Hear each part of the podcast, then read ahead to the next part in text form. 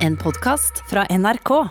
Men aller først til at selv om gjenåpning av Norge jo er godt i gang, og flere har bestilt tur til Syden, drar ut for å spise, ja, så er det fortsatt en ting folk kvier seg for å gjøre. Nemlig bestille teaterbilletter. Flere teatre og kulturhus rundt om i landet melder om labert forhåndssalg til høstens forestillinger. Dette er ikke en apropos-tekst. Han har tenner Nei, teksten har ingenting med saken å gjøre. Synet. Han deg bær Men selve sangen Mac i kniven, og McHeath han eller Mac the Knife som de fleste kjenner den som, er hentet fra tolvskillingsoperaen. Her i en NRK-versjon fra 1974. Onkel Meyer En litt mer moderne versjon skulle hatt premiere på Det Norske Teatret i november i fjor. Men Oslo ble nedstengt, og stykket ble utsatt. Til høsten blir det satt opp på nytt. Men billettsalget til Det Norske Teatret sine forestillinger er historisk lavt, sier teatersjef Erik Ulfsby. Nei, Det er jo historisk lavt, selvfølgelig. Eh, Så vi begynner jo på et eh, veldig lavt utgangspunkt. da. Folk er avventende med å bestille teaterbilletter, forteller Ulfsby. Selv om teatret har flere forestillinger på plakaten med skuespillere som er svært klare for å spille teater igjen. Fra et eh, økonomisk ståsted så er det selvfølgelig eh, bekymringsfullt at vi må starte på et så lavt utgangspunkt. NRK har snakket med teatre over hele landet, deriblant Trøndelag Teater, Den nasjonale scene i Bergen og flere av landets største kulturhus. De fleste melder om det samme, publikum sitter på gjerdet. Det er ikke det store forhåndssalget for uh, august, september, oktober. Folk sitter litt grann på gjerdet. Publikum er litt avventende. Nina Hodneland er daglig leder i Norske kulturhus, en organisasjon som representerer flere kulturhus i Norge. Hun forteller at de først i desember merker en tydelig interesse for å besøke kulturhusene. Men det er for lenge til for å få økonomien til å gå rundt, sier hun. I hvert fall hvis avstandskravene fortsetter og ekstrapengene fra staten opphører. Eh, Hvis vi får en kombinasjon av fortsatt avstandskrav, eh, stimuleringsordning som, som da fases ut, vi vet at den varer til og med eh, oktober, da er vi i en svært vanskelig situasjon. Så det er jo det medlemmene eh, forbereder seg på, og vi jobber eh, mot at ikke skal, ikke skal skje. Dette er vi redde for. Publikum vet jo fortfarande ikke at man kan gå på teater. Stefan Larsson, teatersjef ved Den nasjonale scene i Bergen, mener den vedvarende usikkerheten har gjort at teatrene heller ikke har fått mulighet til å fortelle om tilbudet sitt. Altså, vi har ikke kunnet eh, informere eller fortelle for publikum kom til teateren på en ordentlig måte. For vi vet ikke om de får komme. Om det kommer en bølge fire med deltavirus i september. Så at det er litt sånne saker som stør også. Han tror likevel at publikum på sikt vil komme tilbake til teatret for å gi sin applaus. Jeg er optimist. Jeg, jeg, jeg tror enda at vi langsomt kommer återgå til, til det normale. Reportere i denne saken var Ida Yasin Andersen, Jonathan Nilsen og Christian Ingebretsen. I formiddag klokken ti er det debatt i Drammen under arrangementet Kulturytring Drammen.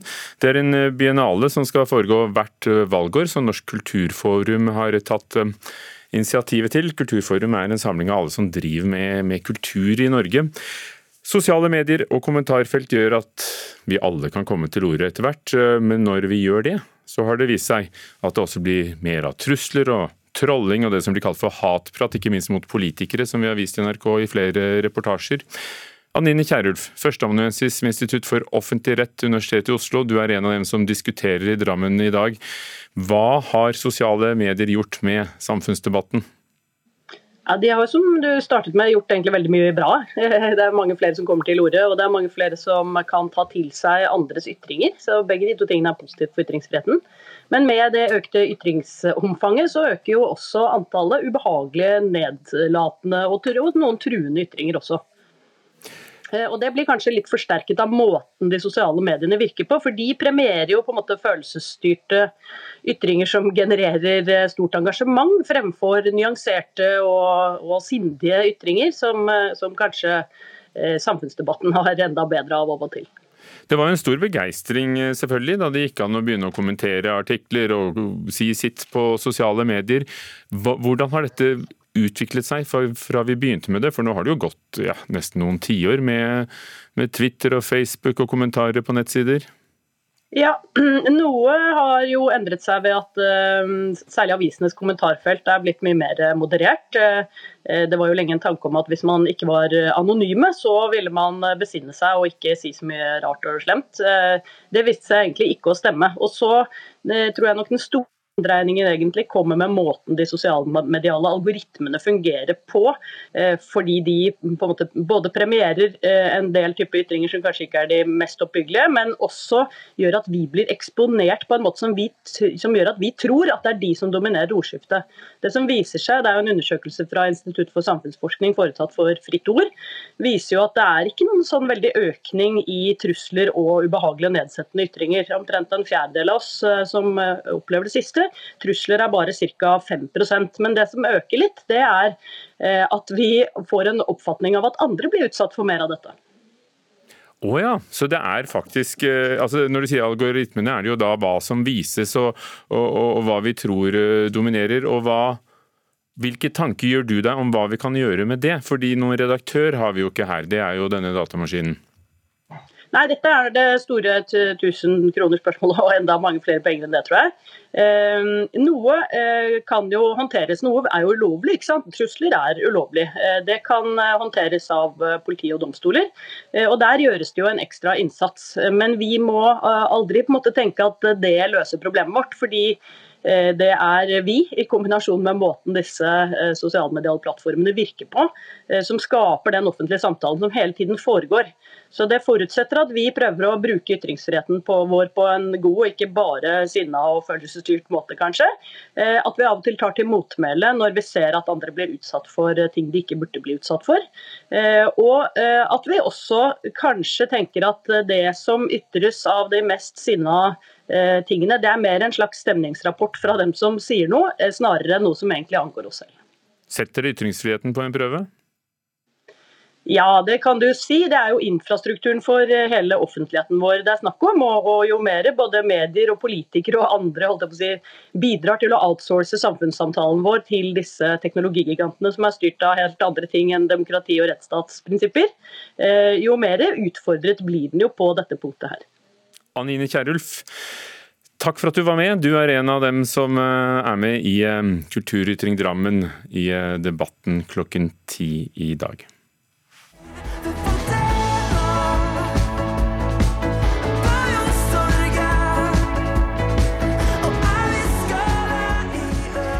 Mange synger med her. Sondre Justas Fontena på Jungstorget. Og ryktene begynner å gå om at han skal ha en ja, Nå er kanskje ikke så hemmelig lenger, men en hemmelig konsert. Kulturreporter Heather Øbekk Eliassen.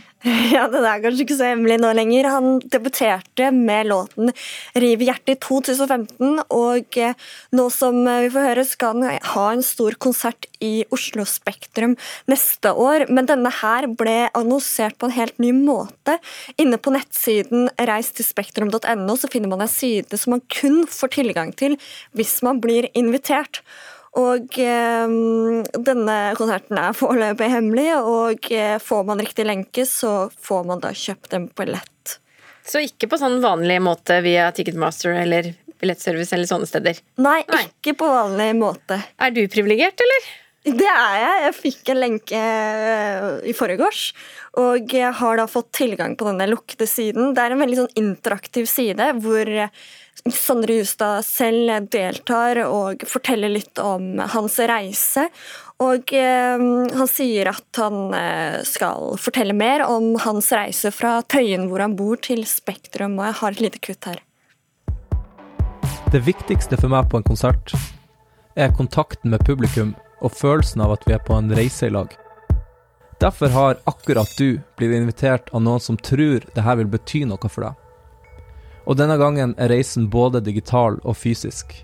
Og det vil skje små eller store ting hver uke frem til konserten. Spennende. Ja, veldig spennende. Jeg måtte da fylle ut eh, både favorittlåt og eh, navnet mitt og diverse andre ting som han eh, da sier han vil bruke i den konsertopplevelsen han skal levere i, eh, i mars til neste år. Da. Blir det en stor konsert?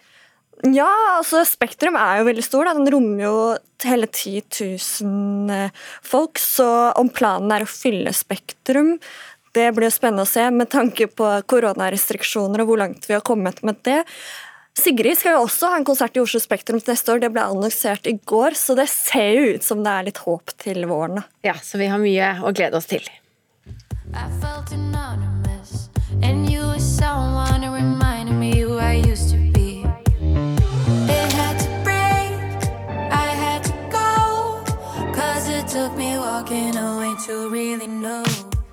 Ja, mer av Sigrid blir det altså i eh, Spektrum til våren. Norge, et land med ikke bare storslått vakker natur, men også kultur.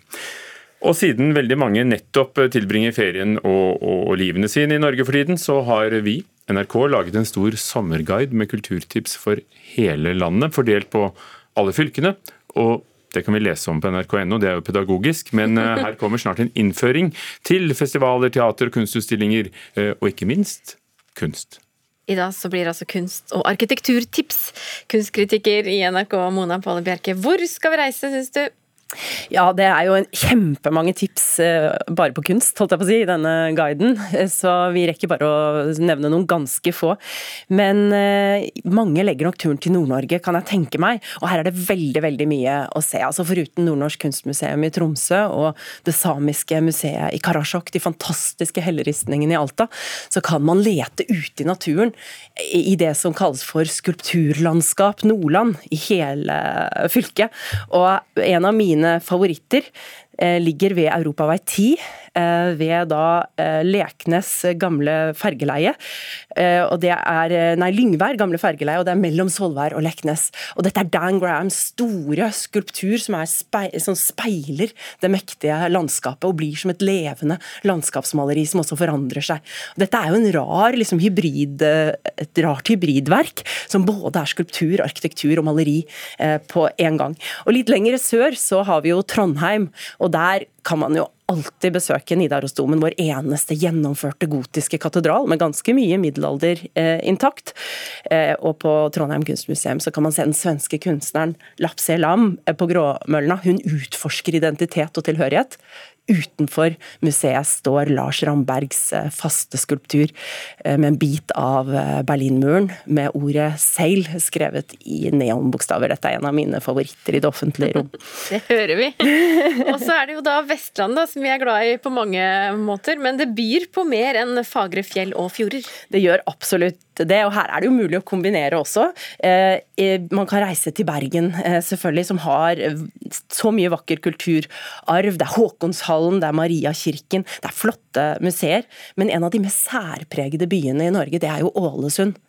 Eh, Etter bybrannen eh, helt på begynnelsen av 1900, altså fra 1904, så begynner de å bygge opp byen i den kontinentale motestilen jugendstil, eller art nouveau. Så hele byen er jo en opplevelse i seg selv. Men i dag vil jeg peke på en annen by, og det er Stavanger. Eh, Akkurat nå, mens den fantastiske middelalderkatedralen pusses opp, så kan man reise ut til Mosterøy og se vårt eneste bevarte middelalderkloster, Utstein kloster, som ligger i praktfulle omgivelser. Her kan man studere lag på lag med historie. altså Selve bygningskroppen er i romansk stil, men det er vinduer og bueganger i gotisk eh, stil. Men i disse dager så åpner altså Kunsthall Stavanger en utstilling som jeg tror kanskje kan bli sommerens helt store begivenhet. Det er Vanessa Baird, og hun er jo kjent for sine litt uhyggelige og fascinerende, eventyraktige bilder, der hun går inn i virkelig minefelter eh, tematisk. Altså det er flyktningekrisen, det er morsrollens bakside, eh, og veldig, veldig mye annet. Så dette gleder jeg meg utrolig til. Og Bergen og Stavanger er jo begge byer som har gatekunst av høy eh, kvalitet. Så det er mange grunner til å legge turen til Vestlandet. Så er det sånn at Sørlandet jo alltid er et kjært reisemål for mange om sommeren. Men hvis man har lyst til å gjøre noe annet enn å bare ligge på svabergene? Ja, så er det Sørlandet kunstmuseum da, i Kristiansand. De, som mange andre av våre kunstmuseer, er på flyttefot. så De har en utstilling hvor de reflekterer over nettopp det og tar avskjed med det gamle bygget. Men jeg ville jo lagt veien også til det vi kaller den hvite byen ved Skagerrak, Risør. Som er eh, en av Europas best bevarte trehusbyer. Altså Etter brannen der i 1861 så kom byggmestere og håndverkere fra flere, flere land og oppførte byen i den elegante empirestilen. Her kan man gå på oppdagelsesreise i smale smug og gater og se vakre rosenhager, og det er en kjempeflott eh, by. Og I tillegg så er det jo ganske mye sånne små gallerier her, og særlig er det jo kunsthåndverket som blomstrer i Risør. Og blant annet midt på sommeren er det et stort kunsthåndverkmarked der man kan kjøpe glass og keramikk og tekstil og metallarbeider. Og i år så går dette markedet av stabelen da mellom 8. og 10. juli. Så er det mange som eh, ferierer på Østlandet, og mer om eh, hva man kan oppleve der, kan du også lese på nrk.no.